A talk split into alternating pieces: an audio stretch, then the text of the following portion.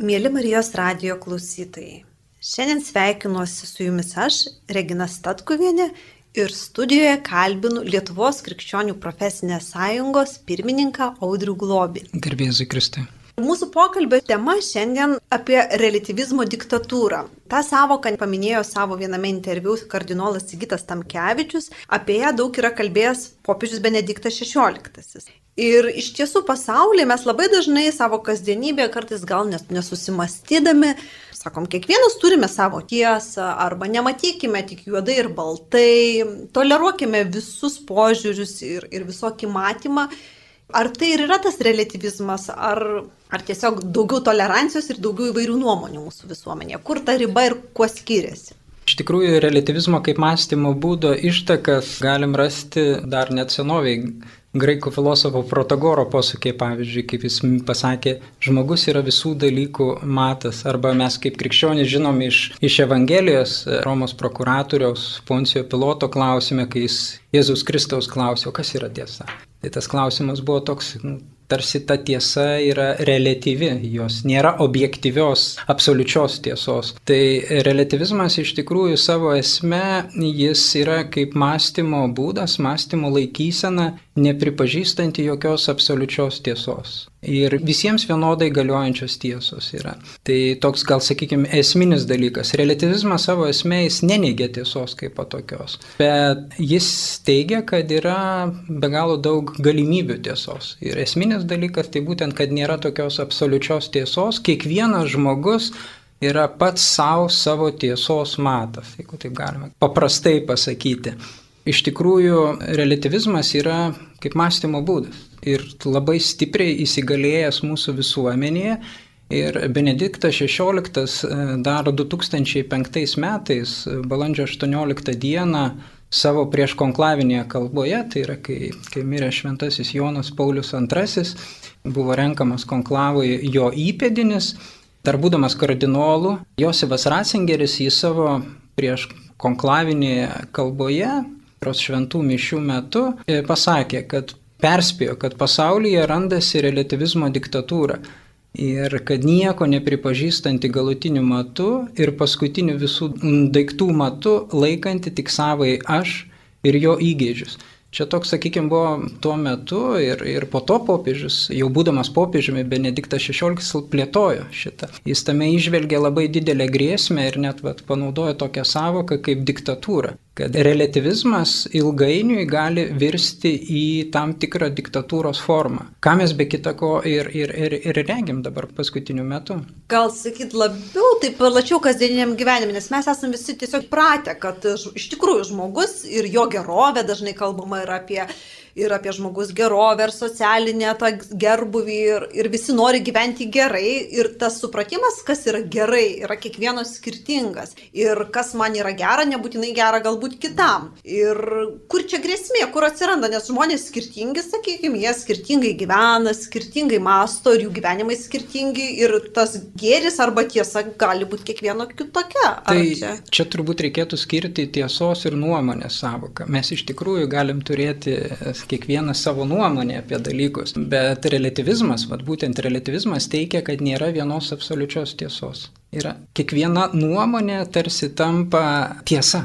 Ir va čia yra toks fundamentalus skirtumas, sakykime, nuo krikščioniškos sampratos tiesos ar ne, kad tiesa yra absoliuti ir tą tiesos pilnatvę mums apreiškimu atskleidė Jėzus Kristus. Ir kai mes kalbam apie būtinius dalykus, sakykime, tai tikrai mes nu, galim turėti nuomonę, galbūt čia nieko tokio, kai mes įvardinam tai ir tam tikra tokia tiesa, nors iš tikrųjų tai yra nuomonė. Bet grėsmė atsiranda tada, kada mes einam prie fundamentalių dalykų. Būtent žmogus. Kas yra žmogus? Kas yra šeima? Kokia yra gyvybės prasme, ar ne? Ir tada pradeda, pradeda formuotis įvairios tiesos. Kiekvienas žmogus tarsi kūrė savo tiesą ir ta tiesa yra tokios pačios vertės kaip ir kita tiesa. Ir va diktatūra kaip po tokia prasideda, kada tam tikra ideologija pradeda savo tiesą, žmogaus, žmogaus sugalvotą tiesą primesti visuomeniai ir kada vat, paskutiniu laiku mes matom valstybę, teisė pradedama naudoti kaip įrankis šitai tiesai primesti. Ir va čia krikščionis mes tada susidurėm su iššūkiu ir aš manau, kad vat, Benediktas XVI tame ir išvelgė didžiulę grėsmę pačioj visuomeniai. Benediktas XVI išvelgė, kad relativizmas skverbėsi ir į religijos, ir į tikėjimo sritį ir jis matė didžiulę grėsmę, kad relativizmo mąstymas, ar ne, mąstytojai, teologai, kurie perima tą mąstymo būdą, jis gali keisti ir keičia pačius pagrindus - kristologijos, žmogiškos antropologijos pagrindus, ką mes dabar ir matom. Ir ypatingai, pavyzdžiui, kalbant apie homoseksualumo būseną, ar ne, dar būdamas kardinolo Ratzingeris, būdamas tikėjimo mokymo kongregacijos, aš čia galiu pacituoti vieną dokumentą, dokumentą Homoseksualitis problema, apie šitą reiškinį, apie homoseksualumo būseną jis rašė. Šiandien vis daugiau žmonių, net ir bažnyčioje, daro stiprų spaudimą, kad ji pripažintų homoseksualumo būsenos, tarsi tai nebūtų netvarkingas dalykas. Ne? ir įteisintų homoseksualius aktus. Tokią poziciją palaikantis bažnyčios nariai dažnai glaudžiai bendrauja su panašiai mąstančiais, nepriklausančiais bažnyčiai žmonėmis. Pastarųjų žmonių supratimas prieštarauja, cituoju, čia cituoju kardinolą Ratzingerį, tiesai apie žmogų, kuri yra iki galo atskleista Kristaus lepinyje. Gal ir ne visai sąmoningai jie išreiškia materialistinę ideologiją pats relativizmas jis virsta į materialistinę ideologiją, neigiančią transcendentiją asmens prigimti bei kiekvieno žmogaus atgamtinį pašaukimą. Tai Ratzingeris, dar būdamas kardinolu Ratzingeriu, jis matė grėsmę, kad va, tam, tas mąstymo būdas, relativizmas, jis įeina ir į bažnyčios gyvenimą, į bažnyčios mąstymą, į teologiją Ir, ir, ir jis tame matė didžiulę grėsmę. Ir iš tikrųjų jis, mes matom dabar, kad jis iš tikrųjų buvo teisus. Dar praėjusiais metais bažnyčia paskelbė naują dokumentą, tą patį tikėjimo mokymo kongregaciją, kurioje vėl patvirtino tą patį autentišką bažnyčios mokymą Ir mes matom, kokia kilo reakcija bažnyčios viduje. Iš tikrųjų, tai gali atvesti net iki dar vieno šizmos kilimo bažnyčiai. Matom, kokia reakcija Vokietijoje buvo. Tai šitas reiškinys, e, anot kardinolo Ratzingerio ir po to Benedikto XVI, iš tikrųjų yra labai, labai reikšmingas ir labai pavojingas. Mėly Marijos radio klausytojai, primenu, kad studijoje esu aš, Regina Statkuvienė, ir šiandien kalbinu Lietuvos krikščionių darbuotojų profesinės sąjungos pirmininką Audrių Globį. Ponas Globį, jūs užsiminėt, kad relativizmas yra susijęs su materialistinė pasaulyje jauta, ideologija materializmo. Sakyt, gal tai yra turtingų ir gerovės valstybių vakaruose problema. Iš tiesų, mes kalbame, ta ideologija panašu, kad randasi tose šalise, kur yra sukurtas tam tikras materialinis gerbuvis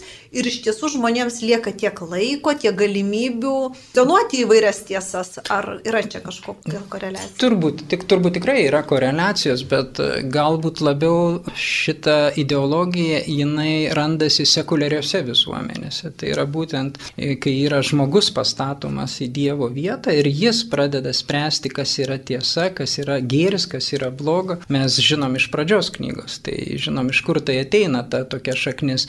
Tai šitoj vietoj aš sakyčiau, kad galbūt didesnė koreliacija yra būtent su sekuliaria visuomenė, bet paradoksas yra tai, kad gerbuvis iš tikrųjų, kai visuomenė vis labiau turi geresnį gerbuvį, jinai sekuliarėja ir ką mes matom ir, ir, ir dabartiniai visuomeniai iš tikrųjų. Ir tas materializmas ir relativizmas, jie iš tikrųjų kaip tam tikri du broliai eina koja kojon ir iš to gimstančios naujos ideologijos, kurios ateina ir tas pats genderizmas arba homoseksualizmas kaip ideologija, noriu pasakyti, ne, ne, ne, ne kaip žmogaus būsena, bet būtent kaip ideologija. Tai taip, Tai yra susiję, aš manau. Kažkiek. Tiesiog užuot kėlę būties klausimus, žmonės labiau tampa turėti.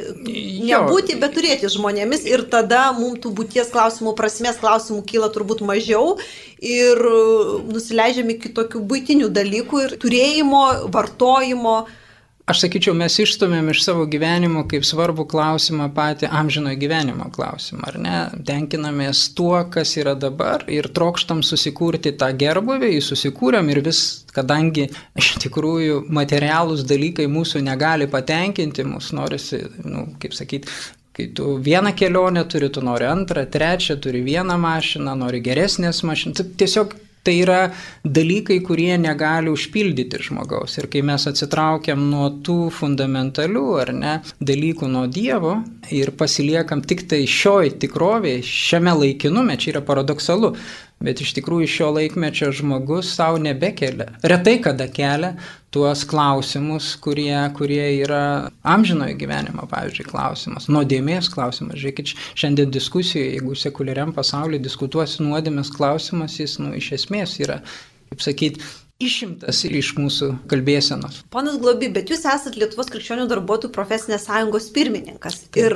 profsąjungos tradiciškai kurdavosi būtent siekdamas apsaugoti darbuotojus teisės. Žinom, kad istorijoje būtent profsąjungų dėka buvo iškovotos ir atostogos, ir nedarbingumas, ir daugybė visų kitų dalykų, kas šiandien mums yra savaime suprantami. Bet kažkada būtent profsąjungos žmonės jungėsi į profesinės sąjungas ir gynė savo teisės. Kodėl dabar yra aktualu krikščionim jungtis tas profesinės sąjungas? Ar vėl kažkokių materialių dalykų mums reikia gintis? Bet, bet čia, ar... bet sakyčiau, kad mūsų profesinė sąjunga yra daugiau tokia, į kurią jungiasi žmonės, kurie ne pirmoji vietai yra tie materialūs dalykai ir ten išsikovoti papildomą laisvadienį arba kažkiek tai pasididinti atlyginimą, bet būtent pasaulio žiūrinių požiūrių ir dėl to, kad būtent aš manau, kad vat, ta relativizmo diktatūra, diktatūra spaudimas tam tikras, kuris nu, mūsų Lietuvos visuomeniai po truputį vis labiau didėja ir žmonės tam tikrose profesijose susiduria, tai jie telkėsi. Jie telkėsi į tam tikrą darinį,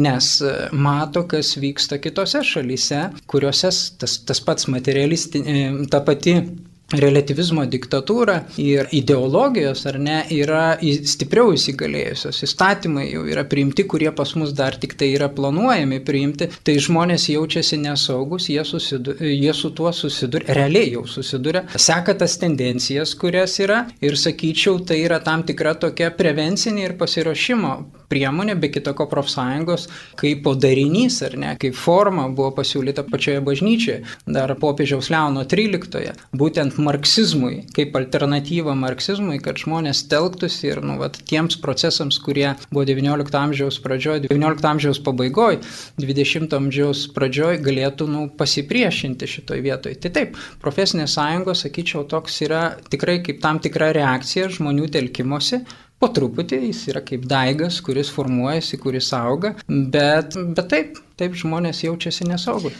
Tai gal galėtumėte išskirti kažkokias profesijas žmonių, kur jie tiesiogiai, sakykim, jau šiandien susiduria ir, ir tą jaučia. Turbūt tai yra galima jas išskirti. Taip, tai yra tos profesijos, kuriuose, sakykim, tie moralės dalykai, pasaulyje žiūros dalykai yra svarbus ir kur žmonės turi priimti tam tikrus sprendimus. Tai pagrindinai yra universitetai, sakykim. Ir pirmas dalykas, kur relativizmas skverbėsi, tai buvo būtent universitetai, vakarų universitetai, nes tai yra mąstymo formavimo vieta, naujosios kartos formavimo vieta. Ir tie, sakykime, dėstytojai ar ne pedagogai, kurie laikosi krikščioniškos pasaulyje žiūros, jie susiduria su spaudimu. Ir va, tas relativizmas, jis, sakyčiau, tokia turi kaip mąstymo būdas, jis yra klastingas mąstymo būdas, nes ką jis, e, ką jis mums krikščionims e, padaro iš tikrųjų, kad juo bandoma išstumti, kad mes galime vadovautis apreikšta tiesa. Ta prasme, tos tiesos nėra tolygios, nes tiesa, kuri yra išmastyto kažkokio filosofo ar ne, ar, ar mąstytojo ir pateikiama kaip tam tikras mąstymo būdas, siūlomas ar ne, tam tikros ideologijos iš to formuos, tai nėra tolygu. Krikščionis supranta ir jis priima, kad ta tiesa apie žmogų, apie šeimą, apie gyvybę ar ne, jinai ateina iš Dievo prieškimo. Ir pats dekalogas, ar ne, sakykime, jis irgi nėra žmogaus sugalvoti įstatymai, kurie buvo užrašyti, Dievo duoti įstatymai, iš kurių po to plėtojasi ir bažnyčios mokymas, ar ne, mes perėmėm iš, iš žydų, iš Senojo testamento. Tai, tai taip, tos profesijos, sakyčiau, kur, kurios yra tokio priekiniai linijoje, tai pedagogai, dėstytojai, medikai, kur vat, to, tie klausimai žmogaus, šeimos, gyvybės tampa aktualūs ir tose profesijose, kuriuose yra bandoma keisti va, tuos pagrindus, krikščioniškus pagrindus, mąstymo būdą, kuris galiojo, nu, va, sakykime, paskutinius 2000 metų. Užsiminėt apie universitetus ir, ir prisiminiau, kad e, prieš kalėdas, baigiantis pernai metams, Vilniaus universitetas net išleido rekomendacinės gairias ir kad dėstytojai turėtų vartoti terminą žmoga. Žuot kreipasis ponai ir ponios, arba gerbiami dėstytojai dėstytojos, studentai studentės. Iš tiesų nepatikėjau ir netgi informaciją kelis kartus pasitikrinau, ar tai tikrai yra ne kažkokia melagiena. Pasirodo, ne, Vilniaus universitetas rekomenduoja vartoti kreipinį žmoga žmoga. Ar tai yra tas relativizmo pas, pasireiškimas, kad mes tiesiog jau nebegalim kreiptis, nebegalim skirti, o turim vartoti kažkokį naujadarą, svetimybę, kuri apibrėžia ką? Tai čia kalba yra labai svarbus dalykas ir jis daro didžiulį poveikį žmogaus mąstymui. Šitas, sakykime, atvejis, kur jūs minėjot, universitetas nėra atsitiktinis. Jis kol kas yra rekomendacinio pobūdžio, tai taip, taip vadinamas lyčiai jautrios kalbos berots, taip vadinasi rekomendacijos, bet tai yra grinai ideologiniai dalykai. Ir, ir iš tikrųjų neatsitiktinai tai yra universitete, nes universitete formuojasi jaunoji karta. Ir per šituos dalykus galim, bandoma yra keisti žmonių mąstymą, tos vartojamas savokas, ar ne, jas, nu, labai gražus terminas, lyčiai jautri kalba, ar ne, bet tai yra... Bet toks terminas mane kaip moterį žaidžia, nes aš nesu žmoga, aš esu tam tikro amžiaus, tam tikro išsilavinimo moteris, turinti tautybę, turinti daugybę įvairių tapatybių ir kai mane suniviliuoja iki žmogos ir kitas žmoga ir trečias ir mes tampam visi vienodi, tarsi atomizuoti, tarsi net be savo individualybės, be savo kažkokių išskirtinių tiek prigimtinių, tiek įgytų savybių. Taip, Taip, taip, tai vad juda viskas į tai ir čia yra susiję su, su būtent tam tikrų naujų tiesų kūrimu. Ir dėl ko tai yra pavojinga, kad iš tikrųjų tai tampa, nu, vad kaip Benediktas XVI įvardino diktatūrą, nes kitose šalyse šitai jau yra tapę ne tik rekomendacinio, bet nu, privalomo pobūdžio tokie dalykai, sakykime, tokie terminai, pavyzdžiui, kai, kai tu į žmogų negali kreiptis pagal tą lytį, tą lytį, kurią tu matai, kurią tu supranti ar ne. Tu turi kreiptis į jį taip, kaip jis, nu, vat, kaip, kaip jis nori. Ir tu tiesiog, ir tai yra privaloma. Tai Bet jeigu nėra... aš nežinau, mes nesam pažįstami, kai aptarnau tai... klientą, pavyzdžiui, kažkoks vadybininkas tai jo, čia... ar, ar lėktuvės tuardėse, jinai tiesiog vadovaujasi objektyvę realybę. Taip, taip, tai va čia tos sumaišties, manau, yra labai daug ir ta sumaištis veda į chaosą Nes iš tikrųjų va, visos šitos ideologijos ir, ir, ir va, tas re, relativizmas, jis kūrė tarsi tokią paralelinę tikrovę. Mes krikščionys tikim, kad yra Dievo tvarka. Dievo tvarkoje yra tam tikri svarbus dalykai, ar ne, kad būtų darna. Ir kai tu va tuos pagrindinius, fundamentalius dalykus pradedi iškraipyti, keisti, kurti savo tvarką, yra labai sunku pramatyti, kokie procesai prasidės, ar ne? Nu, vat, pavyzdžiui, šeimų įvairovė, ar ne? Nu, vat, ta šeima kaip po, kaip po darinys, ar ne, kaip ir mūsų vat, Lietuvos konstitucijoje yra įvardinta, šeima yra visuomenės ir valstybės pagrindas, tai yra nu, ne todėl, kad kažkas susigalvoja, ar ne, bet dėl to, kad žmonės tą atpažino, ar ne, ir tai yra prigimtinis dalykas.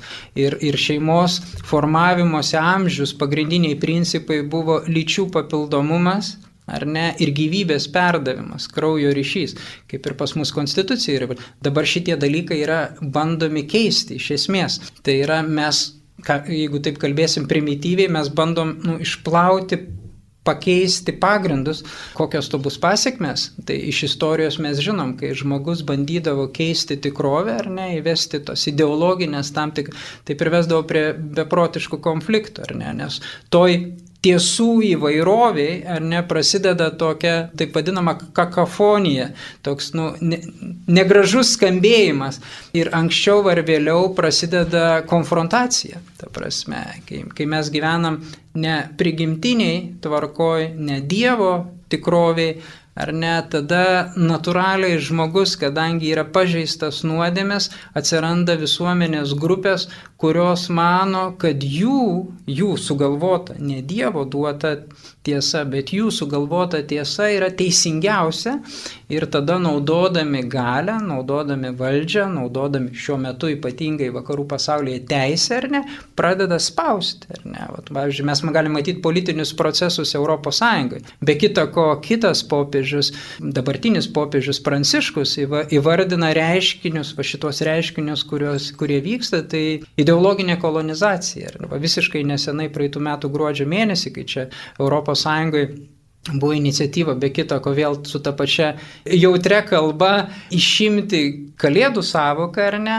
Tai paklaustas Pranciškus kelionėje, berots iš Graikijos, kai jo paklausė, tai jis labai taip tiesiai įvardino, kad tai yra labai pavojinga ir kad ta ideologinė kolonizacija negali atvesti į ES griūtį.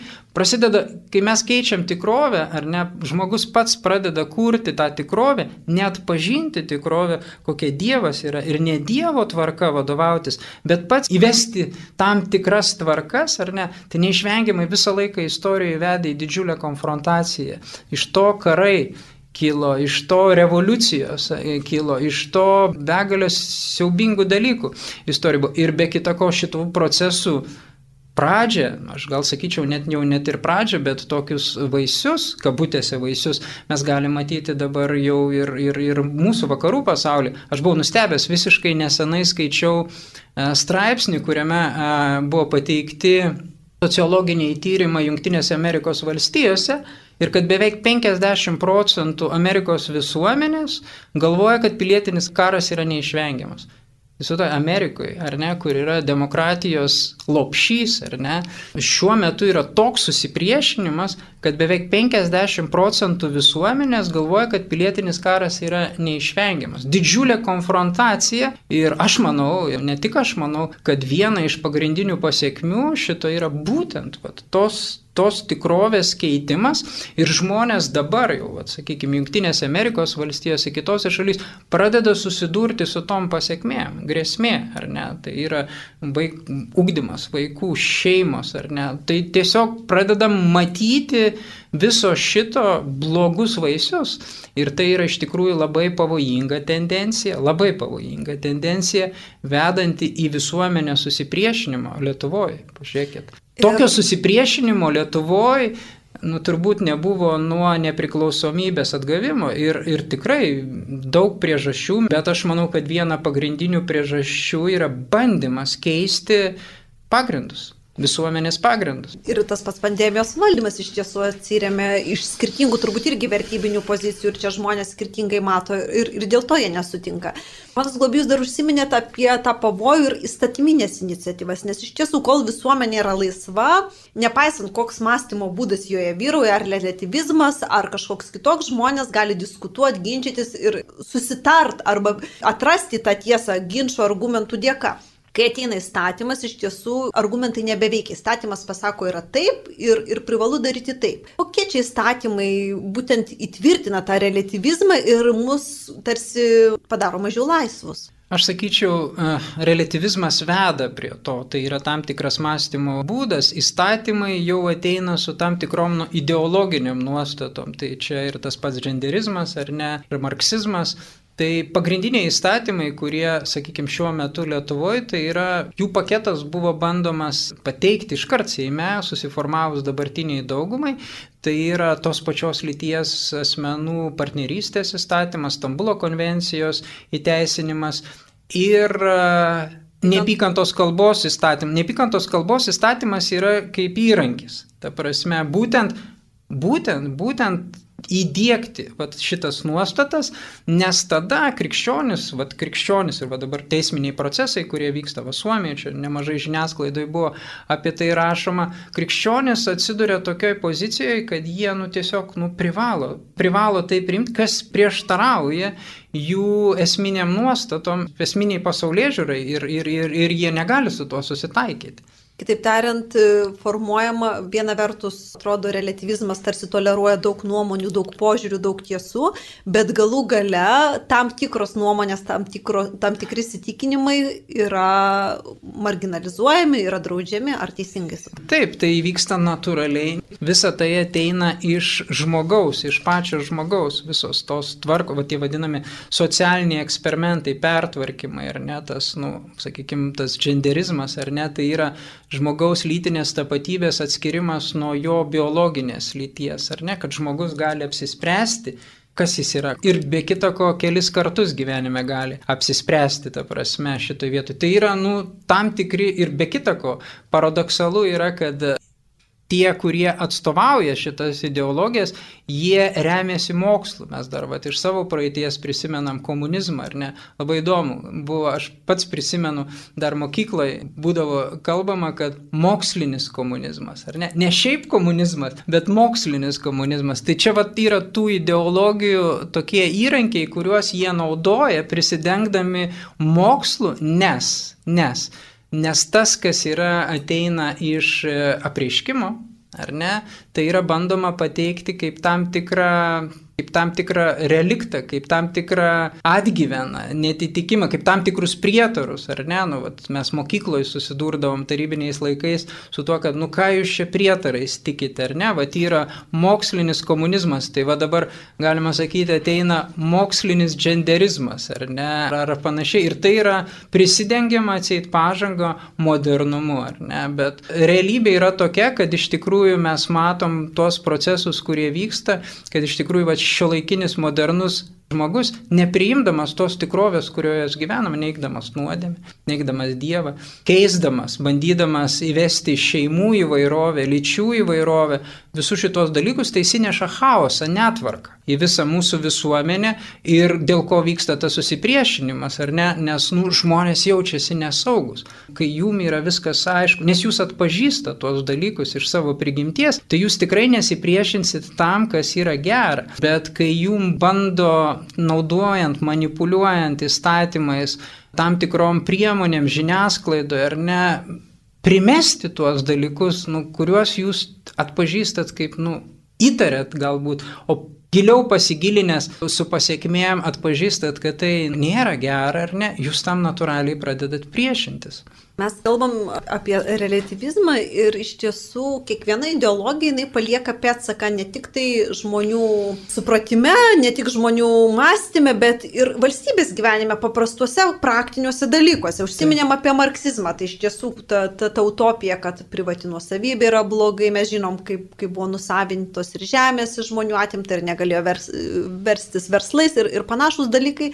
Ką relativizmas, kuo grasina iš tiesų mūsų tokį kasdieniniam ir ekonominiam ekonominiam gyvenimui, galbūt Lietuvai ir saugumo prasme, nes mes esame ypač pažeidžiami, ypatingai nei kitos šalis dėl savo geopolitinės padėties. Ir kai mes atsitampam tokie susiskaidę, tokie nebežinantis, kur gerai, kur čia tiesa, kas gali mūsų gyvenime atsitikti, galbūt yra jau vakaruose pavyzdžiai, kaip į tą kasdieninį praktinį žmonių gyvenimą ta ideologija įžengia ir kas atsitinka. Dar kartą noriu pasakyti, relativizmas nėra ideologija, relativizmas yra mąstymo, mąstymo, būd, būdas, mąstymo būdas, bet ką padaro relativizmas, jis atveria kelią įžengti į mūsų gyvenimą va šitom ideologijom. Ta prasme, va, būtent va, tas Dievo tikrovės paneigimas, ar ne, ir jūs, va, būdamas krikščioniu, Jūsų tikėjimas yra, kad yra tiesa apreikšta, tiesa apie žmogų, ar ne, per Kristų, ar ne, ir jinai yra šventajame rašte, bažnyčios tradicijoje, bažnyčios mokyme, jinai yra prilyginima per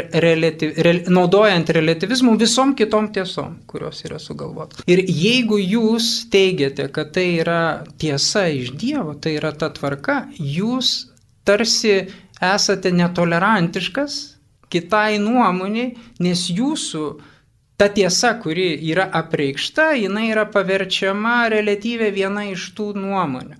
Ir tada atveriama proces, atsiveria procesai būtent va šitom ideologijom - marksizmui ar ne, genderizmui, be kita ko jos visos yra tarpusavyje kažkiek susijusios, nes tas vadinamas neomarksizmas būtent eina dabar per tą lyčių lygybę, bet paradoksalu yra, kad iš tikrųjų tai yra ne lyčių lygybė, bet lyčių vienodumas. Suniveliavimas. Suniveliavimas. Mes ne? prisimenam, atsiprašau, prisiminiau sovietmečių, kai moteris buvo išlaisvintos ir tapo traktoristėmis, statybininkėmis ir iš tiesų turėjo ir rūpintis namais, ir dirbti kartais net sunkiau nei vyras. Tai va tas tai- išlaisvinimas tai, toks labai saliginis tai, buvo. Tai čia yra neišlaisvinimas, čia yra manipulacija, nes krikščionybė, būtent krikščionybė atnešė, atnešė ir pat žmonijai padėjo atrasti tą būtent lygybę.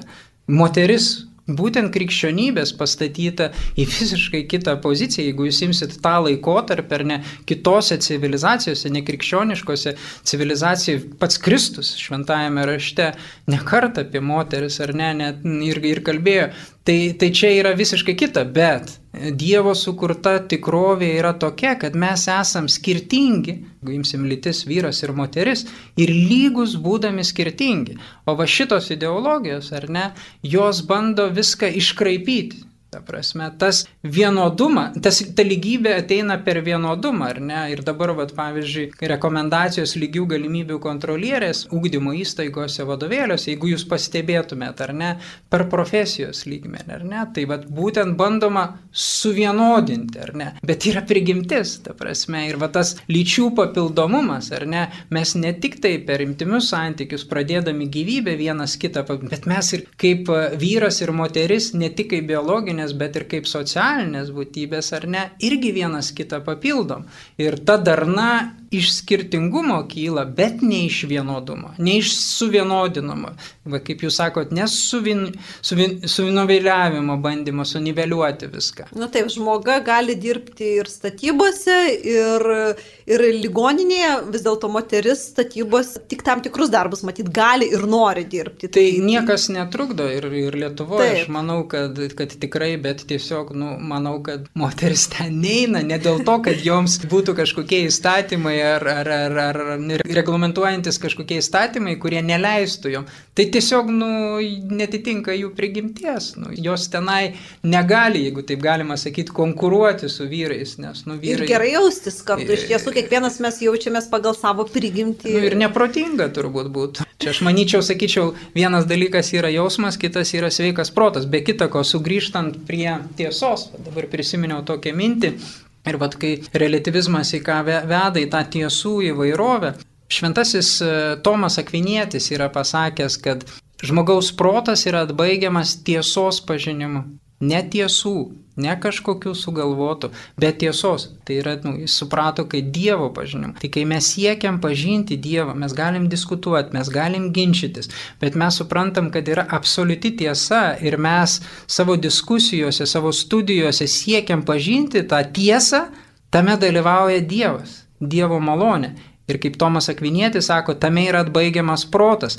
Taip mes ugdom savo protingumo darybę, vieną iš keturių tų kardinalių darybių, ar ne? Tai man, sakykime, šita visuomenė, ką mes matom dabar, iš tikrųjų jinai darosi tokia infantili. Aš visiškai nesenai savo versle, ar neturėjau tokią diskusiją, mes kalbėjom apie reklaminę kampaniją. Ir man reklamos specialistai e, sako, jūs turit formuluoti žinutę, nors auditorija yra brandus žmonės, jūs turit formuluoti žinutę taip, kad suprastų keturių metų vaikas. Nes, Nes ginčiuose gimsta tiesa, bet jeigu nebelieka ginčių, tai tada atsiranda daug tiesų ir iš tiesų suprantamiausia, ta primityviausia tiesa turbūt keturių metų vaiko. Jo, tai yra, ne, tai rodo dar ir kitą dalyką, kad dabartiniai visuomeniai mes nebegebam kalbėti giliais dalykais, ar ne, arba nu, me, mums reikia pateikti dalykus primityviai. Mes daromės infantilus. Ką tai reiškia? Tai vad, jeigu remsimės Tomo Akviniečių, mūsų protas neauga, neatbaigiamas yra, bet primityvėja. Ar ne, vat mes tose socialiniuose tinkluose greitai siurbiam, mes jau nebegalim mąstyti, diskutuoti giliais, svarbiais dalykais, ar ne, iškrentame. Iš tiesų, socialiniai tinklai pagimdė tokį mąstymo būdą kaip geras, blogas, sutinku, nesutinku, patinka, nepatinka. Kodėl, kaip nebelieka. Ir, ir tada aš labai noriu vėl grįžti prie praktinių dalykų, mes tampam mažiau konkurencingi, mes tampam nekūrybingi, mes tampam kaip tiem vaikai smėlio dėžėje besipešantis. Tai aš manau, kad čia visiškai, visiškai neatsitiktinai partijos lyderis, per kurią visos, sakykime, šitos ideologijos labai sparčiai bandomos stumti, ar ne, priėmė sprendimą pastatyti Lietuvos pagrindiniai aikštėje, Lūkiškių aikštėje didelę smėlio dėžę. Man atrodo, čia tikrai šitas įvykis įeis į istoriją, kaip parodantis vat to laikmečio procesus, nes tai yra istorinis paminklas. Ta prasme, suaugusių žmonių pagrindiniai valstybės aikštėje, kuri turėtų simbolizuoti, turėti savo simbolius, pastatyti smėlio dėžę, į tą smėlio dėžę paversti taip, kad, nu, vat visiems būtų faina, man tai atrodo, kad yra labai simboliška. Ir iš tikrųjų parodo mūsų visuomenės nebrendimą, ne, vat, kaip jeigu remiantis Tomo Kviniečių protingėjimą,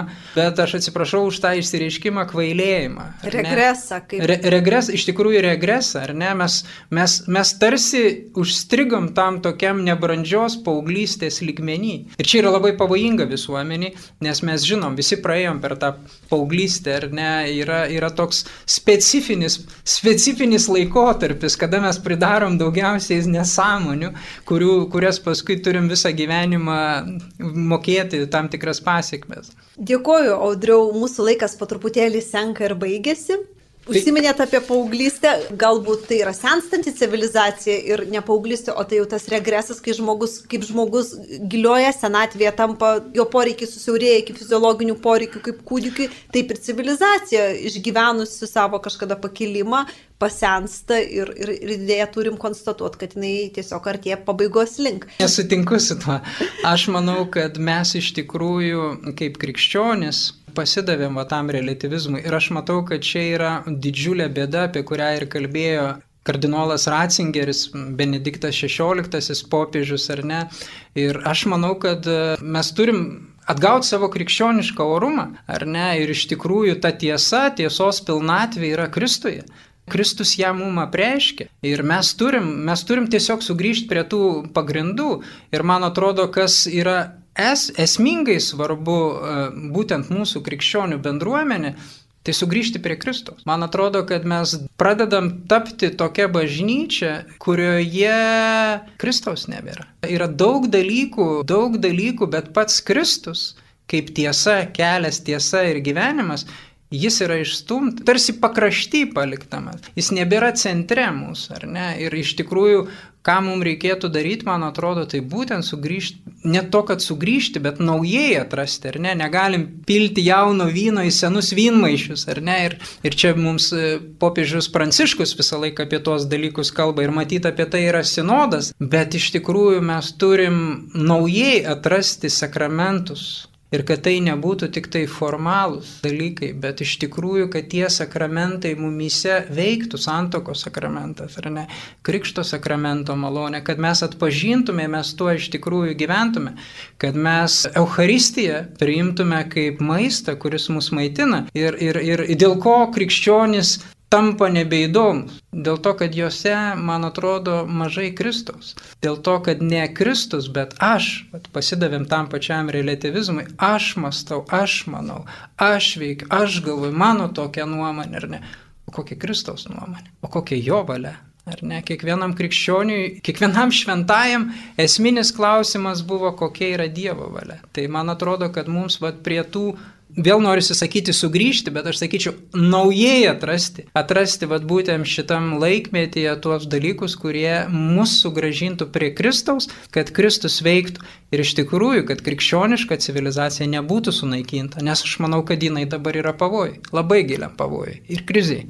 Bet iš tiesų galim pasidžiaugti, kad būtent krikščioniška civilizacija sukūrė valstybę, kurioje ir šiandien mes gyvenam ir kurią norim puoselėti, ginti ir statyti. Tai mes toliau turim kurti krikščionišką civilizaciją ir iš tikrųjų nebijoti sakyti tų dalykų, kurie yra tiesa ar ne, kurie ateina iš Kristaus per bažnyčios mokymą, per Dievo žodį, per sakramentus. Manau, mumyse pasaulis turi pamatyti Kristų. Nuoširdžiai dėkoju už pokalbį, mūsų laikas baigėsi.